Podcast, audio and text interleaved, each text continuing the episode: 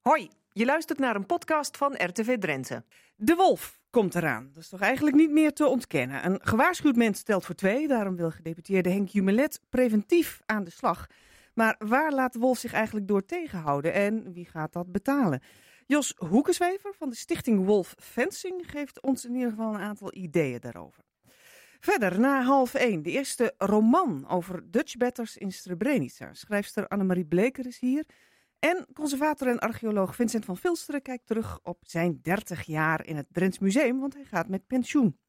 In het forum gaat het straks natuurlijk over het vertrek van de Asser-burgemeester Marco Oud uit de VVD. Maar eerst de tafelgast van deze week. Want Drenthe is genomineerd om een mooie Europese prijs in ontvangst te nemen. Een prijs omdat we met z'n allen zoveel bewegen en aan sport doen. Hans Derks is programmaleider van Drenthe Beweegt en hij reist begin december af naar Brussel om die prijs misschien wel in ontvangst te nemen. Het is nog maar een nominatie, hè? Ja, we zijn, uh, we zijn wel de enige Nederlandse genomineerden. Uh, dus dat, dat, dat, dat, helpt wel een dat beetje. belooft iets. Maar het is absoluut spannend. Uh, ik heb de lijst gezien waar we aan moesten voldoen. Het waren 100 punten en er moesten allemaal vinkjes achter staan.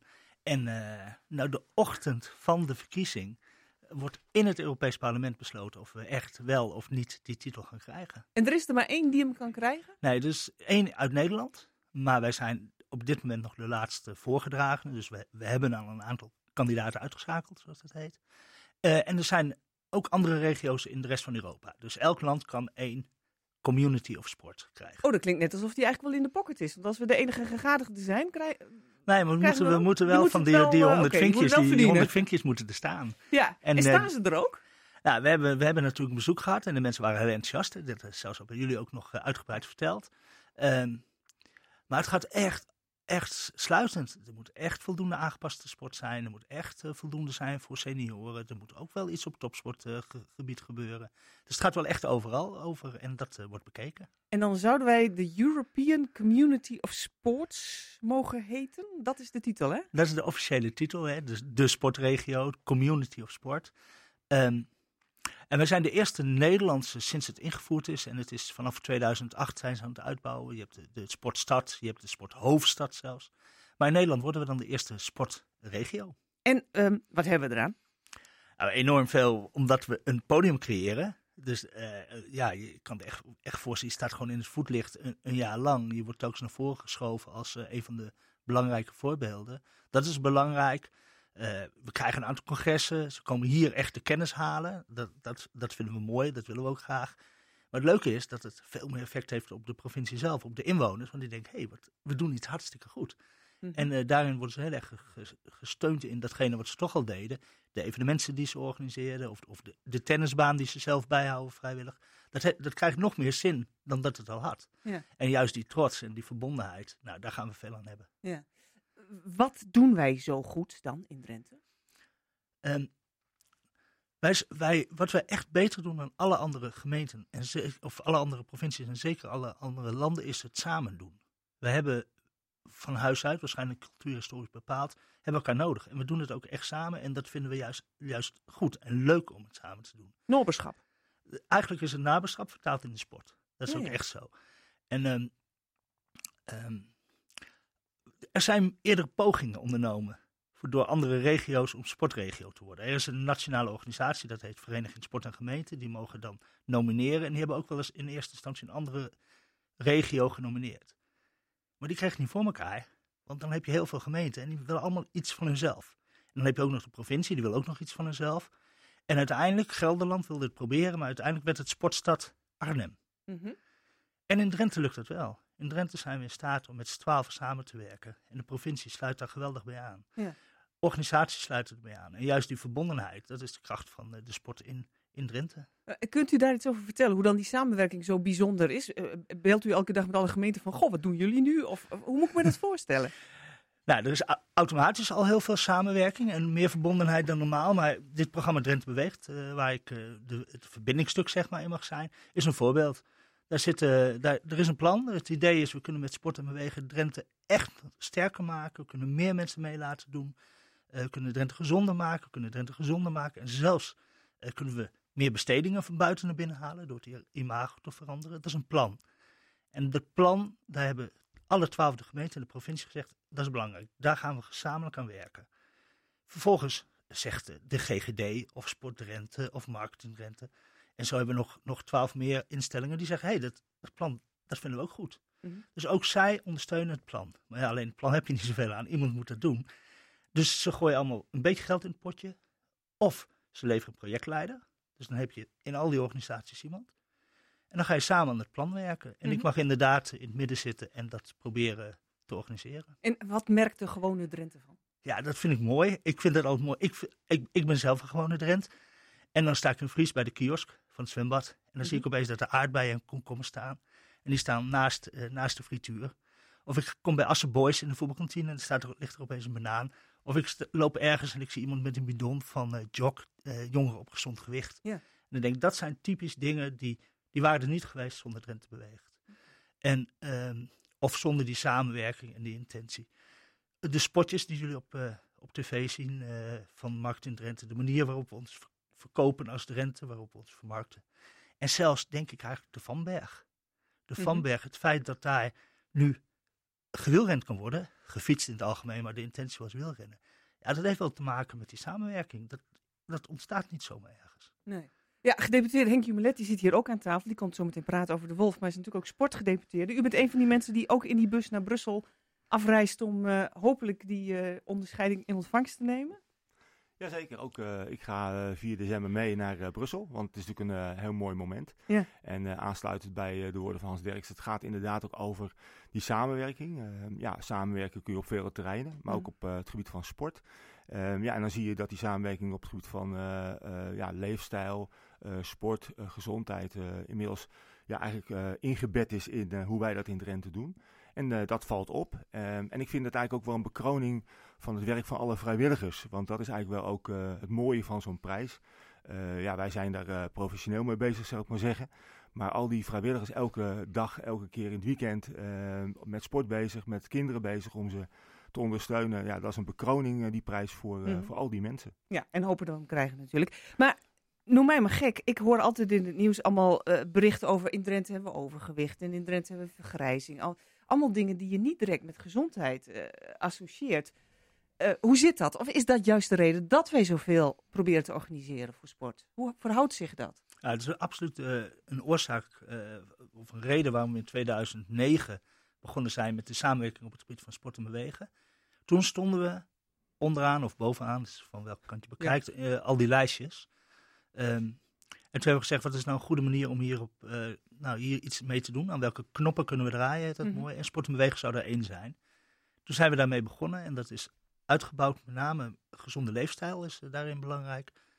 En um, nou ja, we, we staan lang niet meer onderaan. We staan in het midden.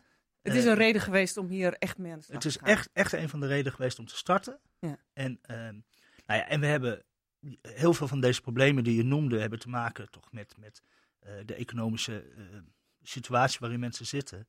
En die wisselt in onze provincie heel erg. En er zijn delen die het lastiger hebben dan uh, andere delen van de provincie. Ja. En daar zullen we altijd dit soort extra aandacht aan willen geven. Ja. Nou, we gaan het er in deze uitzending uitgebreid verder over hebben. Eerst ander onderwerp, want de wolf. Ja, de wolf die komt. Daar, uh, zijn we toch eigenlijk wel, uh, wel zeker van. Als ik ook uh, de berichtgeving nu in de rest van Nederland hoor.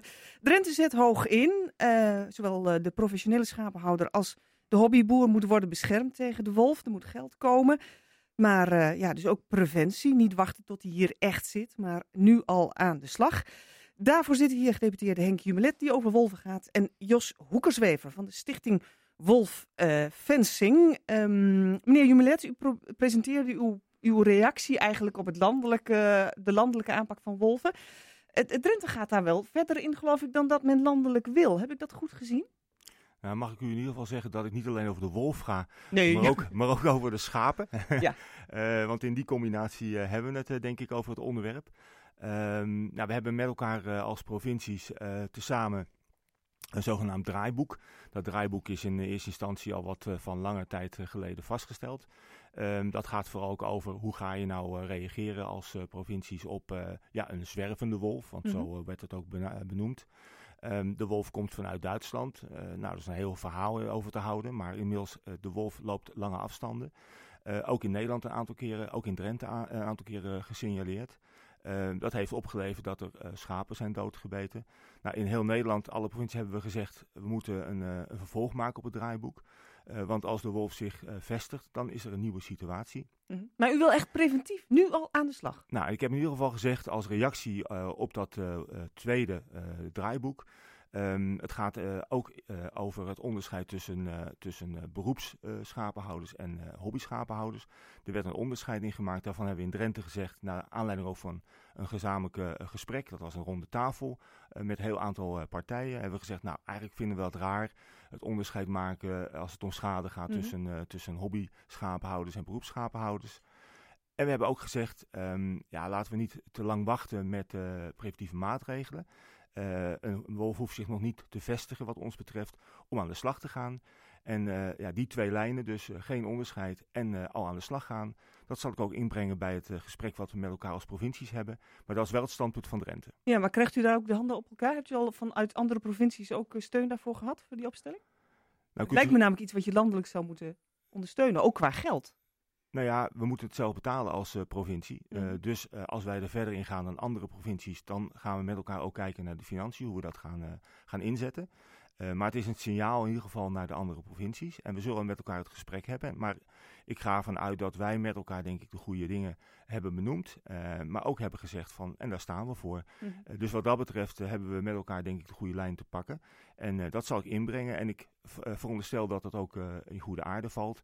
Uh, bij de uh, provincies, vooral die, die, die dezelfde ja, de problematiek hebben. Ja, precies. Ja, ja. Kijk, als we het hebben over Zeeland en Noord-Holland, ja. die hebben er wat minder last van. Uh, zou ik maar zeggen, daar is de problematiek anders. Ja, snap maar dit is ons standpunt. Ja, ik las ergens, u wilt leren aan de wolf dat niet alle schapen prooien zijn. Nou, dat lijkt me een opgave. Nou ja, als je het zo zegt, uh, klinkt het wel heel erg uh, interessant. Uh, maar het gaat er natuurlijk ook om van, als je, en dat zeggen de deskundigen, als je de wolf in ieder geval ander, ander gedrag kunt aanleren, door bijvoorbeeld de schapen te beschermen, ja, dan zou het wel eens kunnen zijn dat er dan inderdaad meer een ree voor, voorhanden is, dat er inderdaad ander gedrag gaat plaatsvinden.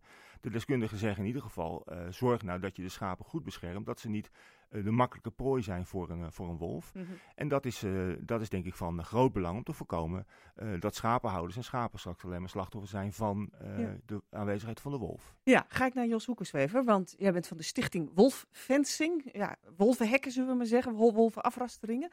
Wat kun je een wolf wel leren en wat niet? Nou, je kan een wolf heel goed leren wat hij wel kan en wat hij niet kan. Als jij maar de juiste afrastering of de juiste omheining plaatst. Mm -hmm. En hoe doe je dat? Nou, dat is, uh, wij hebben een, een Zweeds systeem uh, geïntegreerd. Dat is een uh, systeem van vijf draden met stroom van 4,6 kilovolt, wat er op, minimaal op moet om die wolf buiten te houden. Mm -hmm. Dat is 1,10 hoog tot 1,20. en het allerbelangrijkste is dat die onderste draad op 20 centimeter komt. Ja. Want als die wolf dus geen voedsel kan vinden, het zijn dus vaak ook die jonge wolven die dat doen, kan hij geen voedsel vinden, dan gaat hij net zo lang om een raster heen lopen of om een omheining, waar hij dus een gat vindt, waar hij dus naar binnen kan. De makkelijkste plek zal hij uitkiezen, want roofdieren zijn lui. Ja, ja, precies. Nou hebben jullie één zo'n hek al geplaatst. Ik herinner me dat we dat van het zomer geloof ik in het nieuws hadden. Is er daarna nog meer belangstelling voor geweest? Ja, zeker. Wij hebben vorige week een raster geplaatst in uh, Hellendoorn in Overijssel. Dus dat is het eerste wolverende raster in uh, Overijssel. Ja. Maar hier in Drenthe? Hier in Drenthe nog niet, maar er zijn ook al boeren zelf bezig geweest. En uh, de mensen die schapen houden in Benneveld, waar ik uh, regelmatig kom. Mm -hmm. uh, daar is ook, zijn schapen gepakt. Daar is eerst een, een, een schapenhouder heeft daar zelf een raster neergezet. En later hebben wij er nog eentje extra bij gezet. Maar wat kost dat wel niet? Nou ja, dat is heel variabel. sommige mensen die hebben misschien al wel een wolf in het raster. Of soms kun je door een heel makkelijke ingreep een, een raster wolfwerend maken. Omdat ze al andere stroomdraden misschien ja, hebben. misschien hebben ze er al drie hangen. Er moeten ja, er ook okay. maar twee bij. Ja. Uh, meneer Julet, denkt u ook aan vergoedingen voor dat soort afrasteringen? Ja, uh, er is sprake van natuurlijk uh, hoe ga je dat dan doen, maar ook uh, wie gaat het betalen. Ja, ja daar zullen we met, met elkaar over moeten spreken. we hebben in het Wolven draaiboek ook staan dat er gebiedsprocessen moeten worden opgesteld, opge, start. nou, dan ga je met elkaar ook spreken over wie gaat nou wat betalen. En dat, uh, ja, dat er ook een, een, regeling komt waar ook de overheid aan bijdraagt, dat, uh, dat is te veronderstellen. Dat gaan we ook bespreken met elkaar. Dat er een bijdrage zal worden gevraagd ook van de schapenhouders zelf. Nou, met elkaar moeten we eruit zien te komen. En ja, wat dat betreft, we hadden het net even over sport, hoe je dat samen dan oppakt. Nou, ook dit pakken we samen op in Drenthe. Um, en ik heb gesproken met bijvoorbeeld de treinbeherende organisaties, zoals bijvoorbeeld Staatsbosbeheer. Maar ook bijvoorbeeld met een heel aantal schapenhouders. Nou, zit je samen aan de tafel, deskundigen aan tafel. En uh, dan moet je uh, ontdekken met elkaar wat is nou voor Drenthe van, uh, van, van, van toepassing. Mm -hmm. en ook over dit soort dingen spreken wij met elkaar. En dan komen we uit. Ja, maar ik kan me voorstellen dat, dat een professionele schapenhouder nog wel denkt: oké, okay, daar wil ik in investeren. Maar als jij een paar schaapjes hebt, gewoon voor de lol, om daar dan zo'n hek omheen te zetten. Nou ja, dat zijn die grote vragen die er zijn. Uh, en uh, neem ook maar aan dat dat best wel ingewikkeld is. Zeker als je bijvoorbeeld uh, ja, als je schaap ook inzet om nog na te weiden. Hè, als, als, bijvoorbeeld de koeien uit de wei zijn en dan worden schapen nog op het, op het land gebracht. Mm -hmm. Dat is niet op één plek, maar dat is ook zeg maar op verschillende plekken. verschillende plekken. Ja, precies. Ja. Dan wordt het best ingewikkeld. Daarom is het zo van belang het gedrag van de wolf ook te proberen te beïnvloeden. om niet de schapen te willen pakken, maar een ander gedrag te vertonen.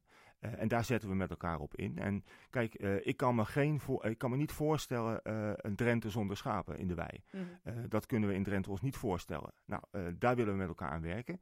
En mijn partij, het CDA, heeft in de vorige periode in de Staten ook gepleit om het immaterieel cultureel erfgoed, de schapen ook daaraan toe te voegen kuddes daaraan toe te voegen. Dus we hechten eraan met elkaar dat schapen ook in de wei zijn, dat we dat herkennen en dat hoort bij Drenthe.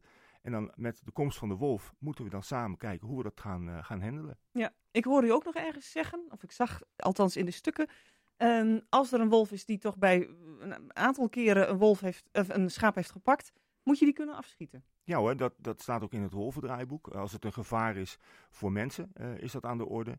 Als die uh, uh, afwijkend gedrag vertoont, is het aan de orde. Maar ook als een schaap herhaaldelijk wordt gepakt op dezelfde plek, als die wolf dat een aantal keren doet. Dan moet, ja, okay. Alleen in het wolvendraaiboek, daar heb ik om gevraagd, staat herhaaldelijk. En ik wil graag weten, als we met elkaar het draaiboek vaststellen, wat we verstaan onder herhaaldelijk. Want ja. is dat twee keer? Is dat tien keer? Nou, en weet je dan ook steeds dat het, hoe weet je nou dat het steeds dezelfde wolf is? Enig idee? Meneer? Ja, ze nemen DNA af. Als ja. er een schaap gebeten is, dus kun je aan de hand dat van het DNA-profiel kun je zien uh, welke wolf het geweest is. Ja, maar afschieten, daar zijn jullie niet voor? Nee, zeker niet. Wij zijn uh, voor bescherming van het vee en daarmee bescherm je indirect een wolf. Mm -hmm. En uh, in Duitsland zijn op dit moment twee keer is er een wolf afgeschoten. Ehm, ja, waarom is het nog steeds een beetje onduidelijk. Eentje scheen schurft gehad te hebben en de andere is een beetje opgeblazen door de media. Het gebeurt dus wel. Ik dacht dat het helemaal verboden was. Het is ook helemaal wolf. verboden, want een uh, wolf is uh, gewoon Europees beschermd. Mm -hmm. En uh, dat, dat mag dus ook niet. Nee. Maar ja, tegelijkertijd zien we in Europese landen verschillend beleid daarop. dus we zeggen ook, ja, wat is nou het beleid? Hè? Europa zegt eigenlijk, het is zwaar beschermd. Dat, dat is ook zo, dat staat ook overal. Maar er is in verschillende landen toch een ander beleid. En uh, ja, wij zeggen eigenlijk ook, wees daar dan ook duidelijk in. Want als er staat herhaaldelijk uh, vee, dat wat wordt... Betekent dat dan? Ja, wat betekent dat dan? Ja. Dan maken we ook duidelijk naar mensen wat ze ook van de overheid kunnen verwachten. Oké. Okay. Um, even een gewetensvraag, hè? want u bent vast natuurliefhebber. Niemand zegt namelijk nee op die vraag. Wat, wat doet het met u dat die wolf komt? Nou ja, ik, kijk, ik vind het uh, uh, heel mooi dat, dat we kunnen constateren dat die wolf inmiddels ook in, in Nederland een plekje weet te vinden. tegelijkertijd zeg ik maar, ja, dat moet dan wel ook geaccepteerd kunnen worden. Mm -hmm. um, en ik begon ermee te zeggen ook dat ik van wolven en van de schapen ben. Ja, ja. dus er moet een goede balans zijn. Maar ik vind aan de andere kant ook dat we de schade niet alleen bij, uh, bij schapenhouders moeten neerleggen. Uh, als je als overheid vindt dat het natuurbeleid ook uh, hoog geprioriteerd is, mm -hmm. dan moet je ook staan voor de gevolgen. Ja. En daar hebben we het gesprek met elkaar ook over. Ja. Ondertussen, over wild gesproken, werd er in Hooghalen deze week een wild zwijn doodgereden. Terwijl wij officieel in Drenthe geen wilde zwijnen hebben. Ja, dan blijkt maar weer hoe, uh, hoe, maakbaar, hoe, hoe, maakbaar de, de natuur is. Ja. Uh, nee, het zwijn is er. Uh, is door een auto uiteindelijk aan zijn eind gekomen. Mm -hmm. is, is dood. Um, en ja, dat is geconstateerd. En nou, dat maakt wel even de vraag weer, weer opeens actueel van hoe gaan we daarmee om? Nou, ja. in Drenthe hebben we een nulstand. Dat willen ze niet. Hebben we afgesproken. En het is wel bijzonder dat ehm, de boswachter zei, ja, ik wist dat hij er liep. Nou, dat kan eigenlijk niet. En daar gaan we het gesprek nog over voeren. Want, Want wat had de boswachter moeten doen? Schieten? nou, die had moeten melden dat er een, een, een zwijn liep in het bos. Ja, en dan had er een melding moeten komen. En dan had er dus gehandhaafd moeten worden. Ja, ik hoorde dat er rekening mee wordt gehouden dat er meerdere misschien lopen. Ja. Nou ja, dat betekent dus dat onze BOA's en ook de politie is daarin gemachtigd daarop moeten acteren. Dat ze dat moeten handhaven. Want er is een nulstand. En weet wel ook, er is op dit moment sprake van Afrikaanse varkenspest. Ja. Ehm, nou, dan moet je ook daar heel zorgvuldig mee zijn. Mhm. Eh, dus het is echt van groot belang dat we daar uh, serieus mee omgaan. En het kan niet zo zijn dat iemand zegt, nou, ik wist dat hij er was. En ach, jammer dat hij nu uh, aangereden is. Dan hadden we daar Die komt op het matje, ja, ja, nou, ja. Er is in ieder geval een goed gesprek aan de orde. Oké, ik neem aan trouwens, meneer Hoekenswever, dat u zegt, nou even zwijnen vind ik ook leuk. Nou, of niet? Zwijnen zijn leuk natuurlijk. Het is ook een prooi van de wolf. Uh, maar goed, uh, ten aanzien van landbouw uh, veroorzaakt die natuurlijk wel wat economische schade. schade. Ja. Dus misschien moet je dan toch weer denken aan afrasteringen. Of, Kijk, ja. daar hebben ze weer. Ja, dat lijkt me ja, afrasteringen mooi, maar laten we niet te veel hekken in u, Het is, het is natuurlijk niet de bedoeling om het hele landschap af te zetten. Maar Want dat was inderdaad wel een doemscenario. Ik denk, we gaan heel Drenthe toch niet nee, volzetten met hekken. Het zij tegen zwijnen of tegen is dat niet heel fraai, dus dat moeten we ook zeker niet doen. Goed, nou, we gaan kijken hoe, de, hoe het wild zich in Drenthe gaat uh, ontwikkelen. We zijn heel benieuwd. Uh, Jos Hoekenswerver van de stichting Wolfensing, dankjewel. En Henk Jumelet, dankjewel voor de komst in de studio. Een zwarte bladzijde uit de Nederlandse geschiedenis. Waarom ga je daar een roman over schrijven? Annemarie Bleker ging aan de slag met Srebrenica. Was dat niet haar directe bedoeling? Daar vertelt ze zo meteen over in Casata, waar je nog steeds naar luistert. Haar boek wordt vanmiddag gepresenteerd. En verder zit hier conservator archeologie Vincent van Vilsteren van het Drents Museum. Hij gaat met pensioen na meer dan 30 jaar trouwe dienst. Ja, archeologie klinkt misschien nou, klassiek, misschien wat statisch, maar er is toch heel wat beweging geweest in die 30 jaar. Maar eerst onze tafelgast van vandaag, Hans Derks, programmaleider van Drenthe Beweegt. We zeiden net al, uh, u maakt kans op een mooie Europese nominatie, uh, dat we het in Drenthe heel goed doen met sport en met bewegingen. Maar we zijn er nog lang niet, denk ik, hè? Nee, nou, volgens mij ben je, ben je er nooit. Mm kan natuurlijk altijd mooier. En, en er zijn wel een aantal, dat heet soort van maatschappelijke bedreigingen. Uh, waar we het over ongezonde leefstijl en dat soort termen, gezondheid in de breedste zin. Ja, waar juist sport en bewegen altijd weer een goede rol in kan spelen om het tegen te gaan. Dus om het gezonder te krijgen. Ja, dat betekent eigenlijk dat dit door blijft gaan. Ja, ja ik, ik, ik las op uw LinkedIn-pagina volgens mij. Een, een mooie inspiratie van Nelson Mandela. Sport maakt de samenleving beter. Ja, eigenlijk is dat, dat is echt onze filosofie, dat is de visie. Ik vertelde dat, dat al die mensen, al die partijen kwamen rondom één visie uh, bij elkaar. En eigenlijk wat dat de beste samenvatting zijn de woorden van Mandela. Dat sporten de kracht heeft om de samenleving beter te maken. Dat het sterker is dan, dan bijvoorbeeld overheden. Ja, het verbindt mensen. Het verbindt... Ze zijn samen bezig. Ze spelen samen. exact. Ja. En die kracht van sport, die proberen de Drenthe Beweegt, is die kracht van sport inzetten. Ja. Dan moet ik eerlijk zeggen, als ik dan uh, zaterdag, zondag zie wat er allemaal te doen is in Drenthe, denk ik van, je struikelt over de hardloop en de fietsevenementen, zeker in de zomer natuurlijk. Uh, is dat alleen mijn indruk? Nee, maar dat vind ik fantastisch. Ja, dat, hoe meer, hoe beter. Nou, het was natuurlijk ooit was sport helemaal van je gaat samen doen. Twee mensen beginnen met voetballen en er werden teams en verenigingen en van alles omheen georganiseerd heel erg omdat voetbal leuk is. En nu zijn er ook andere drijfveren om een sport te doen. Die drijfveren zijn ook heel erg gezond voor de. Uh, hoe, zie ik eruit? Dat soort uh, dingen. Um, nou, ik hoop altijd dat de kern, sport is leuk, dat dat voorop blijft staan. En het leuke is, je komt andere mensen tegen, want je loopt samen met andere mensen, fietst samen met andere mensen. Het is gewoon een geweldige manier om mensen te ontmoeten, om uit je huis te komen. Nou, en dat proberen we ook wel erg te benadrukken. Nou, gaan we het straks ook nog over hebben. Ook in het kader van dat nationale preventieakkoord dat gisteren werd, uh, werd gepresenteerd. Uh, dat we met z'n allen minder moeten roken en meer moeten bewegen. En hoe we dat dan allemaal voor elkaar krijgen. Dat straks na uh, één uur. We gaan verder eerst met Srebrenica. Er is al heel veel over gezegd en over geschreven. Maar bij mijn weten was er nog niet eerder een roman gewijd aan de oorlog in Bosnië. Nou, nu wel. Een verzonnen verhaal dus, een roman over de gebeurtenissen waar veel Drentse militairen in het midden van de jaren negentig bij betrokken waren. Het boek heet Trijp. Het wordt vanmiddag gepresenteerd in het herinneringscentrum Kamp Westerbork. de schrijfster is hier, Annemarie Bleker. Goedemiddag. Hoe lang duurt het voor zo'n zwarte bladzijde zich leent voor een roman? Hebt u enig idee? Over de Tweede Wereldoorlog bijvoorbeeld heeft het vast ook wel even geduurd voordat er boeken, romans kwamen.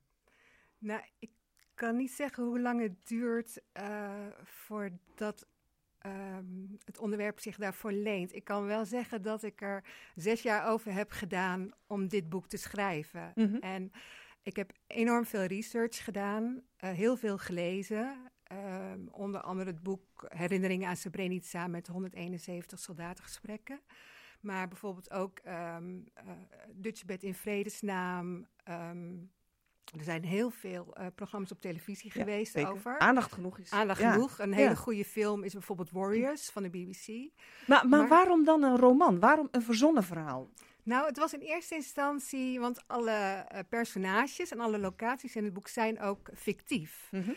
En um, het is ook niet gebaseerd op een bestaande uh, Dutchbed-veteraan. Um, uh, dat heb ik ook bewust voor, daar heb ik bewust voor gekozen. Uh, in, in eerste plaats wilde ik ook niet een, boek schrijven over Dutchbetters of over Srebrenica. Ik, het ging meer over het trauma of over wat er gebeurt nadat je in een oorlogssituatie bent geweest. En uh, dus ik had ook over Irak en over Afghanistan, daar heb ik me ook heel erg in verdiept. Mm -hmm. En uh, op een gegeven moment ben ik dat toch kleiner gaan maken, heel veel gaan schrappen. En kwam ik bij het onderwerp, uh, omdat dit eigenlijk vraagt als één onderwerp. En dit kan je niet mengen met Afghanistan of met Irak, ook omdat dit een vredesmissie was en een hele andere missie mm -hmm. dan de andere missies. En dus ben ik me daar heel erg in gaan verdiepen en heb ik uh, geprobeerd om um, uh, dat wat daar is gebeurd te vertalen naar een roman. Ja. En wat boeit u dan zo in dat trauma wat militairen niet altijd, maar soms wel oplopen? Uh, ja, het begon dus met dat uh, boek Herinnering aan Srebrenica met 171 soldatengesprekken. Uh, daar is mijn boek mee begonnen, want ik was het aan het lezen en daar staan um, verhalen in van soldaten, uh, van een, uh, een, een, chauffeur tot een chirurg, van iemand van 18 tot iemand van 51. En in een groot aantal van die verhalen trof mij de eenzaamheid. Dus de eenzaamheid, um, niet zozeer van wat ze vertelden, maar wat je tussen de regels door las. En je las ook van wat het met hen had gedaan, die vredesmissie. Dus uh, want die interviews zijn afgenomen toen ze al terug waren. En uh, wat me daar heel erg in trof, was die eenzaamheid. En, um, de, en dan niet eenzaamheid van het alleen zijn, maar meer van dat je iets hebt meegemaakt waar een ander niet bij kan. Mm -hmm. En uh, veel later las ik een ander, ook een roman over de oorlog in Irak, geschreven door Kevin C. Powers, een Amerikaanse veteraan. En uh, dat zou ik graag even willen citeren. Dat is een hele mooie, mooie uitspraak. Hij schrijft namelijk: um, Niets maakt je eenzamer dan een specifieke gebeurtenis, uh, een ge specifieke geschiedenis te hebben. En toen begreep ik ook waarom ik dit verhaal wilde schrijven. Want dat was wat ik ook las in die interviews van die 171 Mm -hmm. in die 171 soldatengesprekken. Ja, het, het komt terug in het, in het boek. Uh, mooi beschreven ook uh, hoe, hoe, mensen ineens weer in flashbacks verzeild raken. Mm -hmm. Hoe ze uh, in verwarring zijn over waar ze zijn, wat ze meemaken. de realiteit en, en, en beelden door elkaar gooien. Maar inderdaad mm -hmm. ook, dan komen ze eigenlijk iemand tegen. De hoofdpersoon komt iemand tegen die hetzelfde heeft meegemaakt. En dan nog is er eigenlijk nauwelijks contact tussen die twee. Nee, nee dan is het nog heel moeilijk om uh, want je hebt wel hetzelfde gezien, je hebt hetzelfde ervaren, maar uh, je hebt het anders ervaren. En mm. uh, een, voorbeeld bijvoorbeeld, een voorbeeld is een, een, een jong echtpaar die een, een baby heeft verloren regelmatig zie je dat ze uit elkaar gaan, omdat ze niet meer bij elkaar, ze kunnen elkaar begrijpen, elkaar niet, ze ervaren het anders. En ja. dat, eenzelfde wil, soort eenzaamheid is dat. Eenzelfde soort eenzaamheid, ja. Ik wil het niet vergelijken met uh, uh, een oorlogstrauma. Een oorlogstrauma, ja. maar uh, ik, ik, die eenzaamheid, die, dat je elkaar niet meer kan bereiken, dat, mm -hmm. dat en dat, dat trof ik heel erg in die interviews. Ja. In uw roman komt ook een liefdesrelatie voor tussen ja. de hoofdpersoon en een vriendin die ook het een en ander heeft meegemaakt dat is ook geen heel hoopvol beeld wat daarmee gebeurt. Nee, ik wilde ook. Uh, um, t, uh, zij, zij, is er pas later ingekomen, die uh, vriendin. Mm -hmm. Een tweede personage. En ik wilde ook met haar, want zij heeft ook iets te vertellen en zij heeft ook iets meegemaakt um, uh, waardoor ze een trauma heeft.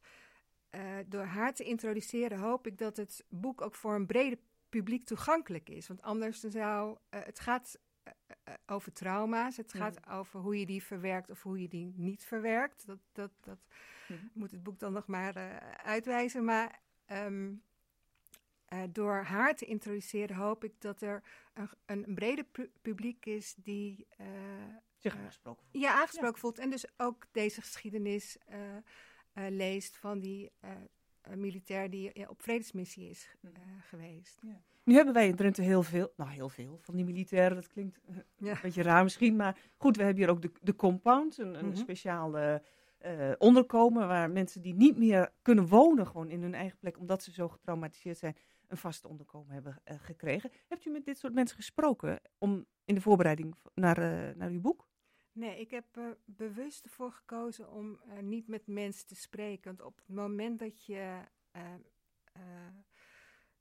met iemand hebt gesproken, dan zie je diegene voor je wanneer je aan het schrijven bent. En ik wilde het verhaal echt een, een, een, personage wat ik heb verzonnen. Mhm. En alhoewel het wel gebaseerd is natuurlijk op heel veel verschillende personages, maar niet op één iemand. En ik was bang dat als ik het zou schrijven, dat ik er dan geen fictie van kon maken. Of dat het dan geen roman meer zou worden. En het is natuurlijk wel fictie gebaseerd op de werkelijkheid, omdat ik zoveel research heb gedaan. En het ook heb laten checken door uh, militairen uh, of ex-militairen of veteranen, mhm. Of het wel klopt. Ik had bijvoorbeeld, ook omdat ik het eerst ook over Afghanistan wilde hebben, had ik een Apache-helikopter erin geschreven. En toen mhm. zei iemand van, ja, dat kan echt niet, want die hadden de Amerikanen, die hadden wij niet. Die waren er helemaal niet. Nee, die waren er helemaal niet. Oh, dus, dat is wel een detail, ja. Ja, ja dat is ja. ook een heel belangrijk ja, detail, want uh, ja, jij en ik zouden er overheen lezen, weten wij veel, maar iemand die daar is geweest, die zal zich daar, uh, denk ik wel heel erg aan storen ook. Van, ja. Nou ja, dan klopt het verhaal ook meteen niet meer. Mm -hmm. En ik heb geprobeerd, en ik hoop dat dat gelukt is, om het zo kloppend mogelijk te maken. Ook al is het fictie, maar toch ja. dat verhaal uh, te ja. vertellen. Bent u ook in Bosnië geweest hiervoor? Nee, ik ben er nog niet geweest. Nee. nee. nee. Nog de behoefte om daarheen te gaan? Ja, omdat uh, um, uh, als je je dan zo in verdiept hebt, dan, dan heb je ook een beeld van hoe het eruit ziet. En ik ben wel heel veel in Schotland geweest, omdat... Daar speelt een deel van het verhaal ook, ja? Ja, mm -hmm. de, uh, de, hoofdpersoon gaat naar Schotland toe.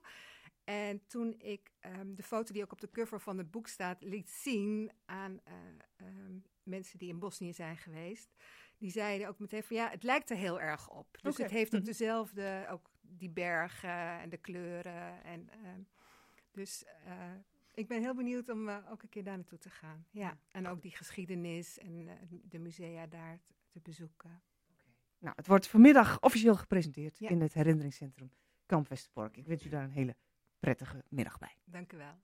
Ja, sinds 1985 was hij conservator archeologie bij het Drents Museum. Hij heeft een hele ommezwaai meegemaakt, want de Drentse vuistbijlen kregen de afgelopen jaren gezelschap van Maya-goden, terracotta-krijgers, Iraans goud, Binnenkort gaat hij met pensioen en hij zit hier. Vincent van Vilsteren, goedemiddag. Goedemiddag. Ja, u was al bezig met het, uh, het ja, afbreken, klinkt een beetje raar, het opruimen van uh, die Iran tentoonstelling natuurlijk, want die is net afgerond. Die is nu uh, helemaal ja. ingepakt, ja. Is dat spannend? Ja. of nee, is de spanning is, er nou helemaal af? De spanning is er helemaal af, ja. ja? Opbouwen is veel spannender dan afbreken. Ja. Afbreken, dat is ja, werk en dan, dan moet je niet meer je, je, je hele hebben en houden inleggen. Eh, het is eigenlijk uh, ja, een beetje een deceptie altijd, afbreken. Altijd jammer. Ja, ja het gaat met, met uh, ja, toch een, een traantje wegpinken, emotioneel dan. ja, ja, want was dit jammer. echt uw tentoonstelling? Ja, dit was wel, als, je, als ik terugkijk naar mijn carrière, dan was dit toch wel de mooiste tentoonstelling die ik in mijn hele carrière gemaakt heb hoor. En ja, ik ben er wel apetrots op uh, dat het zo mooi geworden is. Ja, eh, want ja. het Museum heeft een aantal hele mooie tentoonstellingen gehad ook, die, die, die heel veel publiek hebben getrokken. Uh, waarom was deze zo mooi? Nou, kijk, wij proberen bij het Drents Museum iedere keer om ja, de bezoekers te verrassen. kijk, we hebben een prachtige tentoonstellingszaal sinds 2010, waar we fantastische tentoonstellingen kunnen maken. Er zijn er geen pilaren in, dus je kunt die zaal iedere keer omtoveren tot iets anders. En ik vind het juist ja, een soort, heel, heel soort spanning om de bezoeker iedere keer weer te laten verrassen. In, de zin van dat als ze naar het Drents Museum toe gaan, nou, dat ze denken van ik ben benieuwd wat, die, wat ze er bij het Drents Museum deze keer weer van gemaakt hebben. Dat ze de zaal niet herkennen en die zaal toch helemaal weer omgetoverd wordt. En dat was deze keer echt helemaal het geval.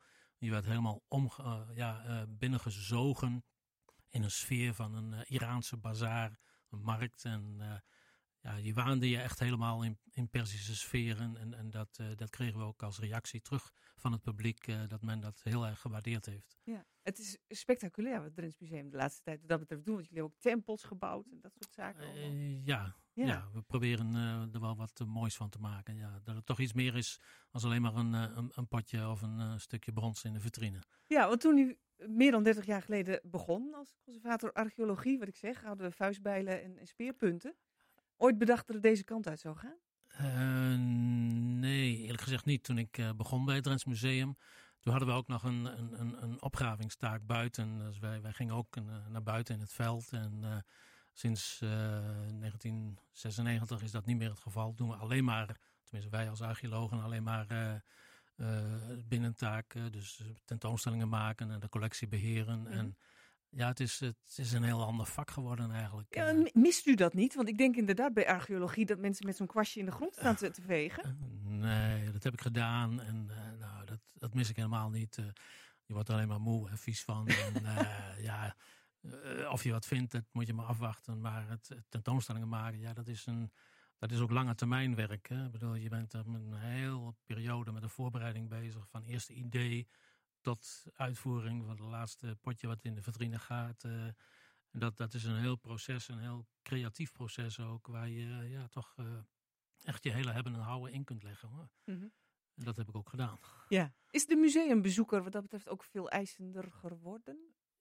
Ja, dat gaat vanzelf eigenlijk. Uh, Door wat je aan Ja, je maakt mooi, steeds mooiere tentoonstellingen. En op een gegeven moment dat je dat doet, dan ja, het niveau gaat omhoog en, het publiek verwacht ook een steeds hoger niveau. Uh, en als het dan ja, uh, niet dat niveau haalt, ja, dan zijn ze teleurgesteld. Zo gaat dat uh, in een winkel, zo gaat het overal. Bedoel, ja. Ze, ze, willen gewoon ja, dat je op hetzelfde niveau blijft. En dat begrijp ik wel. Ja.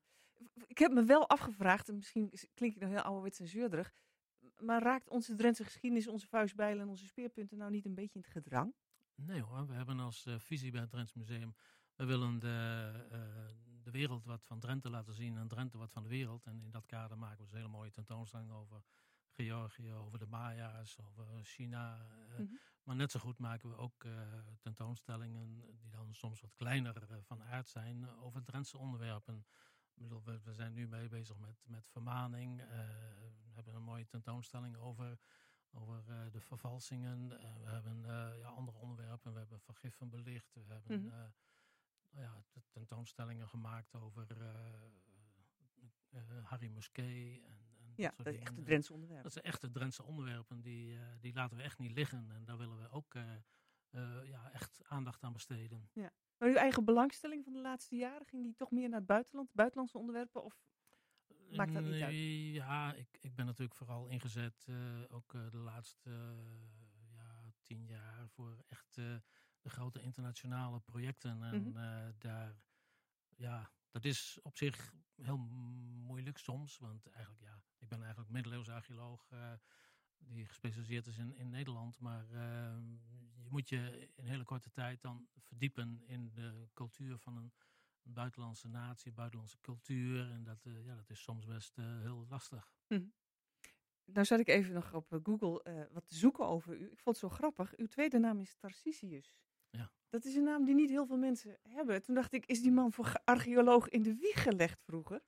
Nou, ik weet niet of Tarcisius nou een echte archeologennaam is, maar ik, ben dan, ik kom in ieder geval uit een heel erg katholiek nest. En, mm. oh, daar zit ik weer Toen op. ik uh, op de middelbare school, of ja, was, uh, net op de lagere school was, toen, toen wilde ik ook uh, nog pater Dominicaan worden. Zo, zo katholiek ben ik opgevoed. Okay. Het is hem niet geworden, maar goed, het, is, het, het, heeft mij wel toch ook een, een beetje gevormd en ook, ook geholpen, moet ik zeggen. Hoor. Ja. Ik ben, op dit moment ben ik atheïst, maar dat wil niet zeggen dat ik niet geïnteresseerd ben in religie. Want een van de dingen waar ik met mijn onderzoek in Drenthe, wat ik dus naast het tentoonstellingswerk heel veel gedaan heb, uh, ja, mee bezig ben. Dat is juist over hoe de middeleeuwse mens in de middeleeuwse samenleving, die doordrenkt was van het katholicisme, hoe die juist ja, omging met, met dat soort dingen als geloof en bijgeloof. Ja.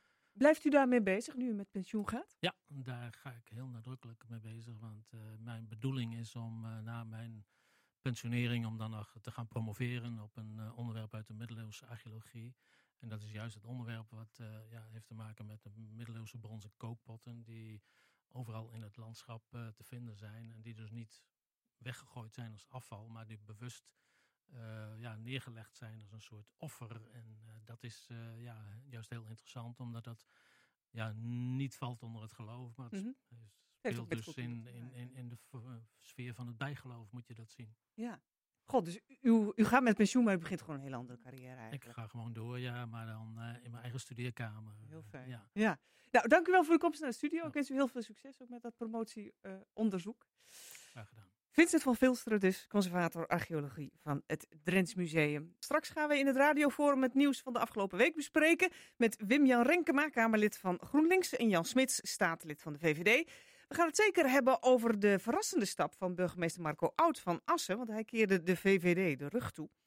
Ook gaat het over het Nationaal Preventieakkoord. We moeten minder roken en drinken en meer bewegen. Nou, wie daar ook zeker over meepraat, dat is onze tafelgast van vandaag, uh, Hans Derks. Ja, want uh, dinsdag 4 december reist een uh, bus vol met houtmethoden af richting Brussel. Drenthe krijgt misschien namelijk wel een Europese onderscheiding, omdat wij zo ontzettend veel aan sport en bewegen doen. European Community of Sports zouden we zomaar kunnen, uh, kunnen worden. Ja. Uh, Drenthe probeert zich in het algemeen heel erg, heb ik het idee, in de kijker te spelen als, uh, als sportgebied. We hebben de jammerlijk mislukte poging om het WK wielrennen ja. Wie weet, te organiseren. Het lag niet aan ons, lag aan de Groningers. Ja. Formule 1 zijn we mee bezig. Heeft dat ook allemaal met elkaar te maken? Ja, we hebben natuurlijk een bike region label. We zijn echt de eerste bike region van heel de wereld. Dus dat op het gebied van fietsen hebben we dit al. Mm -hmm. En waarom doen we dit? Nou, ik zal eerlijk zeggen, het gaat ons eigenlijk niet alleen om de sport. Maar het gaat ons vooral om wat sport kan betekenen. En als je het over preventieakkoord uh, straks gaat hebben. Ja, sport en dat preventieakkoord, dat heeft natuurlijk een nadrukkelijke, een nadrukkelijke relatie. Sport is echt een middel waarmee je een provincie beter kan maken. En, en juist een provincie als Drenthe. We zijn een lekkere, gewone provincie waarin we ervan houden om ons in, in, in, clubs te verenigen en gewoon actief bezig te zijn. En uh, dat is de reden, daar zijn we goed in. Dat mm -hmm. willen we graag doen. Ja, ja, precies. Uh, helpt het de gewone Drenthe ook straks dat wij die onderscheiding krijgen? Als we hem krijgen, laat ik dat nou, even vooropstellen. Het, het, gaat, het gaat absoluut in dit jaar ervoor zorgen dat sport dichterbij komt voor iedereen. Dus, dus we kunnen hebben algemene maatregelen, weet je. Jog jongeren op gezond gewicht hebben we gezegd. Dat gaat over alle kinderen op alle basisscholen. Maar op de, op de achterweg 27, ergens achterin, waarschijnlijk Zuidoost-Drenthe, daar woont een gezin. En voor hun is jog, jongeren op gezin, gezond gewicht heel ver weg. Mm -hmm, en ja. die hebben niet zoveel baat bij die generieke maatregelen, zoals dat mooi heet. Hè? Die maatregelen voor iedereen. Ja. Um, die moet gewoon een eigen, die, daar moet iemand langs. Er moet gewoon iemand aan de deur. Dan moet gewoon vragen van, hey, zouden we je ergens mee kunnen helpen? Hebben jullie ergens een wil om iets te gaan doen? En uh, ja, daar proberen we naartoe te gaan. En daar probeer, eigenlijk zou mijn streven zijn, dit is geslaagd als we in 2019 in al die huizen zijn geweest om te vragen, hey, zouden we jullie kunnen helpen? Zouden we jullie in beweging kunnen brengen? Zouden we jullie kunnen laten deelnemen aan uh, wat er allemaal gebeurt in Drenthe? Ja, en helpt zo'n onderscheiding daar ook voor in die zin dat er misschien geld voor komt voor dit soort nou, het is echt, bezoeken? De, de, er komt geen extra geld bij. Dat is de eerste vraag die iedereen stelt. Er is geen extra geld, maar het maakt het een stuk makkelijker om iets te gaan doen. Want je gaat naar jouw gemeente of je gaat naar de provincie en zegt: hey, ik wil dit doen in het kader van community of sport. Maar het is gewoon goed voor Drenthe. Mm -hmm. Nou, dat lijkt me een uitstekend moment om daar iets aan te gaan doen. Ja. Dus op die manier is er wel meer mogelijk. Ja. Um, nou is het leven in het algemeen, heb ik altijd de indruk, vooral gericht op gemak. We hebben yeah. zitmaaiers, yeah. we hebben bladblazers. Ja, elektrische uh, tandenborstels. Wie boodschappen, heeft uitgevonden? Boodschappen worden gebracht. Um, ik denk altijd, hoe moet je daar nou mee, mee, omgaan? Als je mensen juist weer meer aan het bewegen wil hebben, terwijl anderzijds juist willen we steeds minder doen. We worden steeds luier. Ja, dat is, dat is een lastige combinatie, want ze zeggen ook tegen mij, ja, vijf uur gym op school, dan ben je er. Nee, dat is echt niet waar. Het gaat, die, die elektrische tandenborstel staat voor mij altijd centraal. Als je het niet meer voor elkaar kan krijgen om je arm heen en weer te bewegen, dan wordt het echt een stuk lastiger. maar de, de kern ervan is plezier. En de, het, dus het is gewoon ontzettend leuk om bezig te zijn. En voor sommige mensen vinden het helemaal niet leuk om bezig te zijn, maar die vinden het leuk om samen te zijn. Mhm. Nou, samen bezig of bezig, dat klinkt, wel, dat klinkt een beetje hetzelfde. Dus het, een, van onze, een, een van de manieren waarop we proberen Drenthe actiever te krijgen is mensen laten merken hoe leuk het is. Ja. Jullie zoeken ook echt naar wat drijft mensen dan om uh, wel te gaan bewegen. En dat kan zijn de gezelligheid van bij elkaar zijn, maar het kan ook gewoon de sport zijn. Nou, we, ik roep altijd, uh, we, we, zijn op zoek naar de plek waar wel een wil is en nog geen weg. En dan willen we heel graag die weg proberen te vinden samen. Uh, en zo nu en dan is er wel een wil. Maar dat is niet helemaal de wil van, van de overheid bijvoorbeeld. Maar het zou hem wel kunnen helpen. Nou, dan ga ik stiekem toch die wil opzoeken en dan zoeken we daar een weg bij. Mhm. Maar het gaat erom proberen mensen deel te laten nemen, zelfredzaam te maken. En we hoeven niet te vertellen wat ze exact wel of niet moeten doen. Als ze zelfredzaam zijn en als ze de wegen kennen, dan komen ze er wel. Ja. En af en toe zelf in je tanden poetsen. Ja. Dit is een mooi voorbeeld. Ja, ehm, eh, we, zijn genomineerd voor de European Community of Sports. Jullie weten echt nog niet stiekem of we hem ook daadwerkelijk krijgen, deze onderscheiding? Ja, ik moest gaan beslissen of we met de bus gingen met 40 bestuurders of dat we gewoon één autootje deden met twee mensen. En ik zei, uh, ik zei, nou, wat stellen jullie voor? Nou, een bus zou wel mooi zijn. Ja. Ja, ik zei, maar ja, die gaan we niet voor niks laten rijden. Nou ja, er zal wel iets gebeuren. Nou, verder, meer heb ik er niet uit kunnen krijgen. Ja, er zal wel iets gebeuren. Ja, ja. Ik denk serieus dat. Uh, nou, ik, ik, denk dat voor onze regio, maar dat geldt ook voor alle andere regio's in Nederland. We doen het gewoon echt serieus goed. Mm -hmm. we hebben gelukkige mensen, we doen veel sportparticipatie. Dus het zou vreemd zijn als een Nederlandse regio de eerste die genomineerd is, daar niet met een prijs vandaan zou komen. Ja, en daarin verschillen wij ook echt van Gelderland, Limburg, Zeeland, ik noem maar wat. Uh, vooral in dat, samen, in dat stuk samen. Ik heb een geweldig voorbeeld. Uh, grote activiteit ooit georganiseerd vanuit Red Bull, dat ook. Maar uh, dat was ooit in Assen en dat moest daarna naar Breda. En uh, dat deden ze dit jaar in Breda. En twee maanden van tevoren kregen wij het telefoontje. Ja, we hebben één probleem. We hebben geen vrijwilligers. Mm -hmm. En toen hebben wij bussen laten rijden. Dat is geen grapje. Bussen vrijwilligers laten rijden. Vanuit Drenthe. Alles rondom de Super Prestige in Gieten. En die zijn naar Breda gegaan om daar te helpen met dat evenement. Dat is echt het verschil tussen Drenthe en de rest van Nederland. Omdat er zoveel vrijwilligers zijn die mee willen werken. Omdat het hier niet verkeerd is om iets voor iemand anders te doen. Je mag gewoon iets voor de samenleving betekenen. Ja, ik, ik, ben, ik hou van cultuurhistorie. Dat heeft volgens mij met naberschap, dat zei je zelf al. Met brinkdormen, dorpen, je, zit, je woont samen rond de brink en je helpt elkaar. Ja waar een kleine provincie groot in kan zijn. In. Ja. Nou, dinsdag 4 december, dan, uh, dat is niet komende dinsdag, maar dinsdag erop, dan uh, krijgt u te horen of, uh, of, we dat, of we die onderscheiding inderdaad krijgen. Ja. Ik ben heel benieuwd. Cassata, het radioforum. Ja, we hadden het net al uitgebreid over het Nationaal Preventieakkoord met uh, Wim-Jan Renkema, Kamerlid van GroenLinks. Oh, je moet jezelf eigenlijk introduceren, maar ik doe het nou even voor deze keer. Uh, en uh, Jan Smits van de VVD, want het ging over bewegen en het ging over sport. Ja, met Hans Deks erbij natuurlijk is dat wel een onderwerp waar we ons graag mee bezighouden. In het forum van Casata. Um, ja, we hebben het gisteravond gehoord. Het werd gisteren gepresenteerd, stond een poosje op de rol. Um, een pakje sigaretten wordt 10 euro, geloof ik. Of minstens 10 euro. Uh, chocola moet in minder grote verpakkingen worden verkocht. We moeten lopen en fietsen naar school. Happy hours worden verboden. Stunten met alcoholprijzen. Dat klinkt allemaal eh, best veel. Maar Wim-Jan Renkema hoorde ik al zeggen... Nou, ik vind het nogal mager. Ja, nou laat ik vooropstellen dat ik het heel belangrijk en ook goed vind dat het kabinet zeg maar, rond deze thema's uh, beleid maakt. Want uh, inmiddels de helft van de Nederlanders heeft overgewicht. 1 miljoen mensen hebben diabetes. Dus het is echt wel een thema. Overgewicht, alcohol, roken. Goed dat ze daarmee aan de slag gaan. Maar ik vind het, uh, de uitkomst van in dit geval maandenlang onderhandelen met iets van 60 of 70 organisaties vind ik heel erg mager. Het gaat over tabak. Dan is eigenlijk zijn de maatregelen best streng. En dat vind ik ook goed. Uh, daar heeft de tabaksindustrie ook niet mee mogen onderhandelen over de uitkomst. Dat Die werd het echt buiten gehouden. Ja, dat is, heeft de Europese Unie verboden dat als een lidstaat gaat, gaat praten over het tabakbeleid, dat dan uh, zeg maar de sigarettenproducenten meepraten. Helaas is dat bij de uh, andere twee overlegtafels niet gebeurd. Dus over alcohol en over overgewicht spreekt ook de horeca mee en dan spreekt de voedingsindustrie mee en dan spreken de supermarkten mee. Nou, en dan zijn zeg maar, bedrijven als Coca-Cola en anderen zijn nou niet bepaald geneigd om tot streng beleid te komen. Dus mm -hmm. uh, de uitkomsten zijn, uh, vind ik, uitermate teleurstellend. U had liever gehad dat er gewoon wetten kwamen van dat, dat, daar moet het aan voldoen, zus en zo, klaar. Nou, ik vind voorlichting, goede voorlichting, uh, ook richting jongeren ging het net al even over, hartstikke belangrijk. Dat moet je doen, moet je ook blijven doen. Daarnaast kun je het nodige doen met, met voorschriften, wetten. Ik zou het helemaal niet raar vinden om, om te zeggen, nou, er mag maximaal zoveel suiker in bepaalde pro, producten zitten. en je kunt iets doen met prijs. Hè. Je kunt een accijns kun je verhogen. Dat gaat op dit moment bij alcohol ook niet gebeuren. Dus de accijns op alcohol wordt niet verhoogd.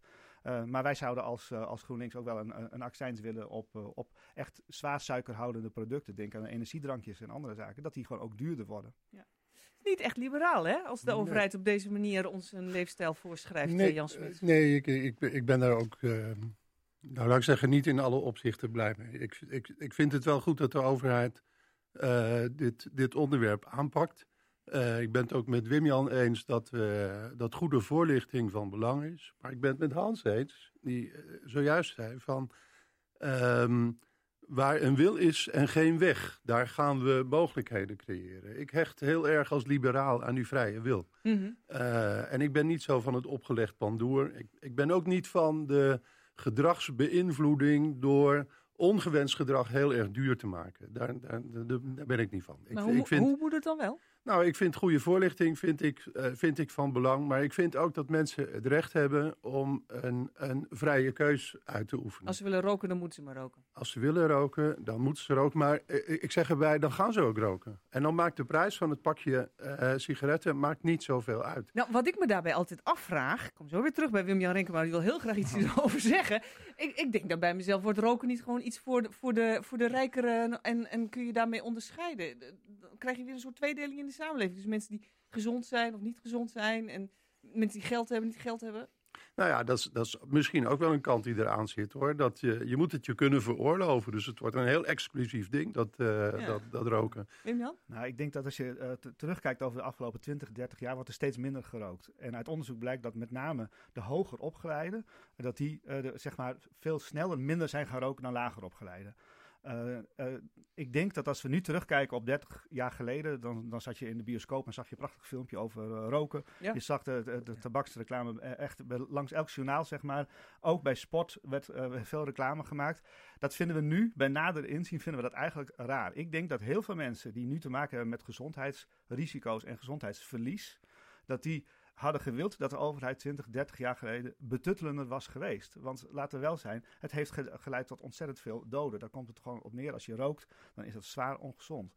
En uh, ik zit dus niet, ik, ik, ik ben ook, ik hou van vrijheid en eigen keuze. Maar ik vind dat in, in, in, uh, in een situatie waarin zeg maar, gezondheidsrisico's uh, zo, zo belangrijk worden. En ook de kosten die daarmee samenhangen. Hè, dat gaat, we geven nu al een kwart van onze gezamenlijke geld als overheid geven uit aan de zorg. Dan vind ik dat je als overheid ook wel preventie centraal mag stellen. Maar de rokers zeggen dan altijd, ja weten jullie wel wat, wat wij allemaal uh, in de, staats, de staatskas inbrengen met al die accijnsen die jullie hebben op sigaretten. Ja, en, to, en, en, toch kun je die twee dingen helaas nog steeds niet... Uh, nee, dat heft elkaar maar, niet maar, op. Maar los, los van het financiële kant, uh, op het moment dat mensen bewust kiezen voor ongezond gedrag, dan kun je zeggen van nou ja, doe dat vooral, hè, moet je zelf weten. En je kunt op dat moment iets bevoogdender zijn. En dat is, het wordt vaak negatief gezien, bevoogding. Ja. Maar een voogd is iemand die uiteindelijk voor iemand anders een besluit neemt, omdat het voor, in het belang is van diegene. Ja, en daar is GroenLinks meer van dan de VVD. Ja, dat, dat is duidelijk. Ja. Nou ja, wij zijn niet zo, laat ik maar bij mezelf houden. Ik ben niet zo van, ik ben jouw voogd en ik weet wat goed voor jou is. Nee. Ik, ik ben meer van, ik, ik wil je wel helpen.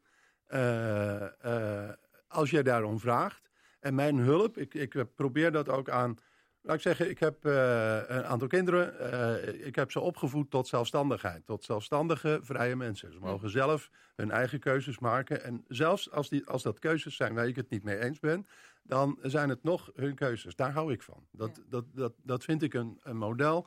Uh, daar kun je verder mee. En dat gaat dan ook over roken en het gaat ook over alcoholgebruik. Uh, Mensen zijn zelf verantwoordelijk voor de inrichting van hun leven. En dat laat onverlet dat een overheid zegt... wij bieden voorlichting, wij bieden alternatieven voor wie dat, voor wie dat wil. En du moment dat uh, het feit dat iemand rookt... betekent dat iemand anders die dat niet wil daar last van heeft... dan moet je daarop ingrijpen. Daar, daar ben ik het helemaal mee eens. Ja. Nou, wat ik daar ook over las, uh, creëren we niet een samenleving waarin je uh, mensen die gezond zijn en die bewegen en goed eten en dat soort zaken, dat die aan de ene kant staan. Ik hinte daar net al even op.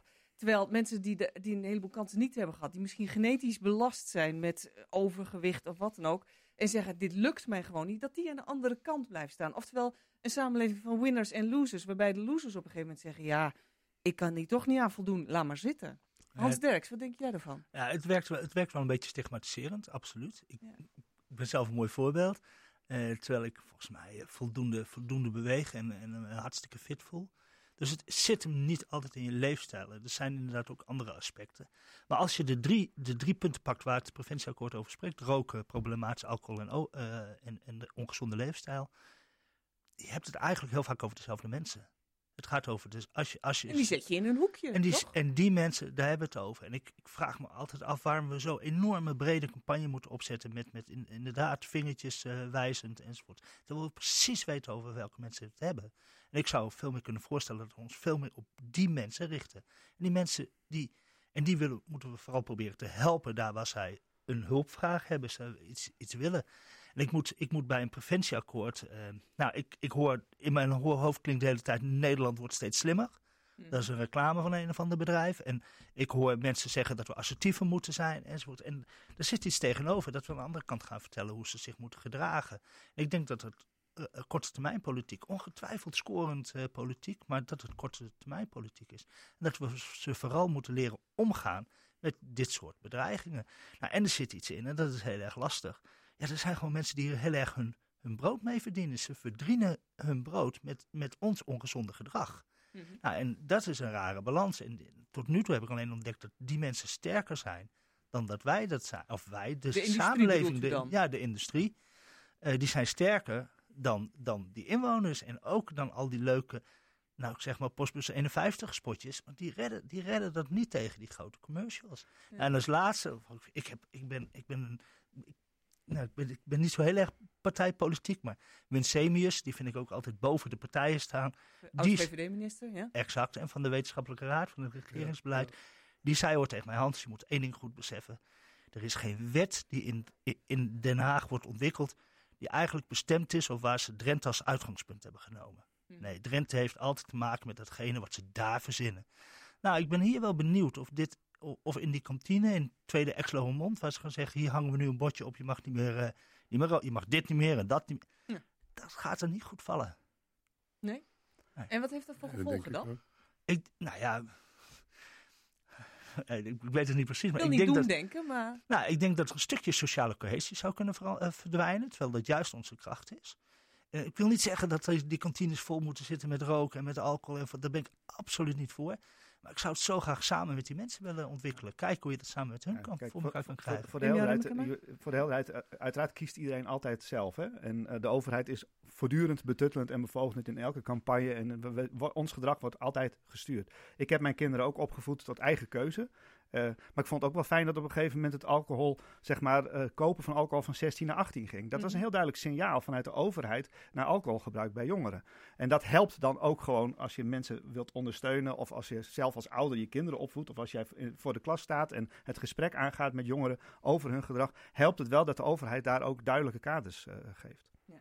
Ja. Nou, waardoor, waardoor er wel allerlei parties bij mensen doen. Ik heb ook kinderen in die leeftijd en ik, ik zei ook uh, eigen wil.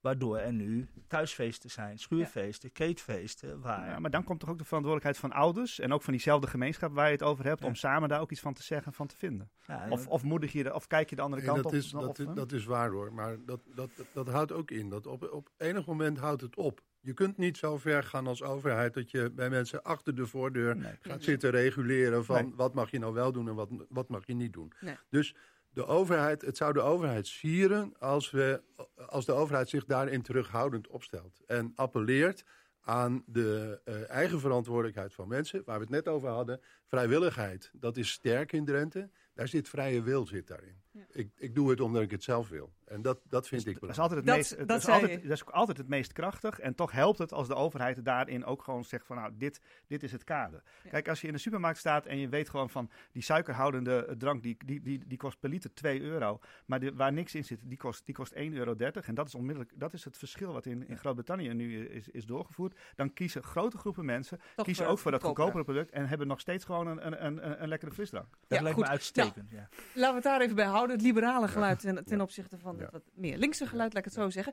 Ik wou het nog over een ander liberaal uh, onderwerp hebben. Want uh, de Assenburgemeester Marco Oud haalde landelijk het nieuws deze week. Um, ja, hij verlaat uw partij, Jan ja. Smit. Hij ziet het niet meer zitten bij de VVD. Ja, nou, laat ik vooropstellen dat ik dat heel jammer vind. Dat, uh, dat uh, Marco tot deze afweging gekomen is. Ik ken hem goed. Mm. Uh, ik, wat ik altijd mooi vond aan Marco was dat hij, zeg maar, vaste gast was op partijbijeenkomsten. is vandaag ook een partijbijeenkomst in, in, in Den Bosch, maar ook bijeenkomsten in de provincie. Marco was daar altijd bij. En ik heb hem dat ook wel eens gevraagd: van joh, hoe doe je dat? Uh, want ik weet van hem dat hij als, als burgemeester juist ervoor kiest om niet een heel nadrukkelijk partijprofiel te hebben. Dit is ook, zoals ik er naar kijk, de kern van het dilemma waar Marco het over heeft. Als burgemeester, en Marco zegt nooit boven de partijen, dus dat zeg ik nou ook niet. Uh, Marco wil graag tussen de partijen staan. En dan, als je dan iedere keer, wanneer je in de pers komt, wanneer je op uh, televisieuitzending, als iedere keer achter jouw naam tussen haakjes die politieke partij staat, uh, dan word je daar steeds mee geassocieerd. En Marco zegt, ik ben geen vertegenwoordiger, ik ben geen VVD-burgemeester, ik ben burgemeester van alle Assenaren. En dat ergens begon dat te wringen. Uh, daar zit ook een inhoudelijke component in hoor. Daar ga ik ik wil zeggen, hij heeft een aantal ja, punten genoemd zeker. waar hij het gewoon niet mee eens is. Ja. Zwaardere strafmaat voor mensen uit probleemwijken, de burgemeesters kroonbenoeming waar hij het niet mee eens is, ja. dat hij uit de grondwet uh, wordt gehaald. Het, het, inperken van demonstratierechten, uh, voor Zwarte Piet demonstranten, het zij voor of tegen, maar dat dat niet bij de Sinterklaas-intocht moet. Liberale punten, denk ik. Ja, principiële zeker, punten. Zeker, zeker. Principiële en liberale punten. Voor wat betreft die kroonbenoeming, eigenlijk is dat hetzelfde. Uh, Marco zijn denken is, een burgemeester moet niet een eigen programma gaan uitvoeren. Een burgemeester moet juist primair die verbindende figuur zijn, die al die uiteenlopende meningen in een gemeenteraad, uh, in een college, in, tussen de inwoners van een stad, uh, weet te verbinden. En daar moet een burgemeester een centrale rol in hebben. En als een burgemeester zegt, als ik gekozen word, ga ik dit doen. En anders zegt, nee, als ik gekozen word, ga ik dat. Dan ga je dat, dat ambt van die burgemeester ga je politiseren. En daar neemt hij afstand van. Ja. Nou zijn dat een aantal van die proefballonnetjes die de VVD natuurlijk opliet. Ik weet niet, wanneer gaat het voor uzelf te ver? Hebt u daar ook al een idee over gevormd? Nou, of duurt dat nog wel even? hele goede vraag. ja, hè? zeker een hele goede vraag. Maar dat, kijk, het, het gaat voor mij niet zo gauw te ver. Okay. Uh, in, in die zin dat ik zeg van, het sluit ook weer aan over waar we het net over hadden. Ik, ik vind dat mensen vrij zijn om hun, hun, hun mening te mogen verkondigen. Ja. En, en, en, en, soms zijn dat zaken waar ik het niet mee eens ben. Maar dat is voor mij niet gelijk een reden om dan te zeggen... dan keer ik die partij de rug toe. Maar ik denk dat proefballonnetjes ook nodig zijn... omdat de VVD het populistische geluid uh, zich uh, geheig in de nek voelt, laat ik het zo zeggen. Wim-Jan Renkema, even vragen. Je als buitenstaander, ja. wordt de VVD steeds populistischer? Wordt de VVD steeds populistischer? Um, kan het nog populistischer, zou ik bijna zeggen. Ik bedoel, we lezen elke zondag, uh, horen we, of maandag lezen we in de krant... weer een nieuw proefballonnetje van Klaas Dijkhoff... Uh, en, dat gaat, het, en, en, hij weet van tevoren dat het onhaalbare voorstellen zijn. En hij, mm -hmm. wil, hij wil daarmee gewoon eigenlijk laten zien van wij zijn toch wel echt wel een, een lekker rechtse partij. Uh, ik, ik duid het vertrek van, uh, van, van Mark Oud uit deze partij veel minder bestuurlijk. In de zin van, oh ja, burgemeester tussen de partijen. Maar echt ook als een politiek statement. Zo lees ik zijn verklaring ook. Mm -hmm. hij, het, de laatste druppel was inderdaad de beperking van het demonstratierecht. Maar ook bijvoorbeeld het afnemen van die bevoegdheid van een staatssecretaris... om toch een besluit te kunnen nemen van asielzaken. Ja. Dat zijn fundamentele grondrechten... waar Klaas Dijkhoff in zijn, met zijn proefballonnetjes steeds van zegt... van nou, vind ik niet zo belangrijk, vind ik niet zo nodig. Voor een echte liberaal moet dat eigenlijk niet kunnen. Want dit zijn grondrechten van burgers, van, zeker als het gaat over demonstratierecht. Dus ik, ik duid zijn vertrek veel meer politiek dan bestuurlijk. Ja. ja. Wie loopt hier nou de meeste schade mee op, denkt u? Nou, ik weet niet of je dat gelijk zo, zo moet vertalen in waar zit nou de meeste schade. Uh, ik, ik, wil eigenlijk wel even ingaan op wat Wim-Jan net, uh, Kort net, nog. net zegt. Ja. Niet veel tijd meer.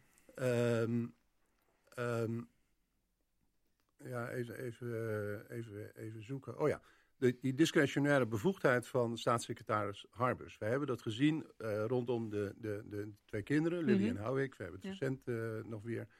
Als je, als je kijkt hoe de druk wordt opgevoerd, ook vanuit de media, richting de staatssecretaris, uiteindelijk resulterend in bedreiging. En de noodzaak om onder te duiken, dan zitten daar heus verschillende invalshoeken aan. Je kunt dat niet alleen maar afdoen als, nou, we gaan eens even lekker een rechtsgeluid uh, de samenleving inpompen. Je, zult, je kunt daar echt genuanceerder naar kijken.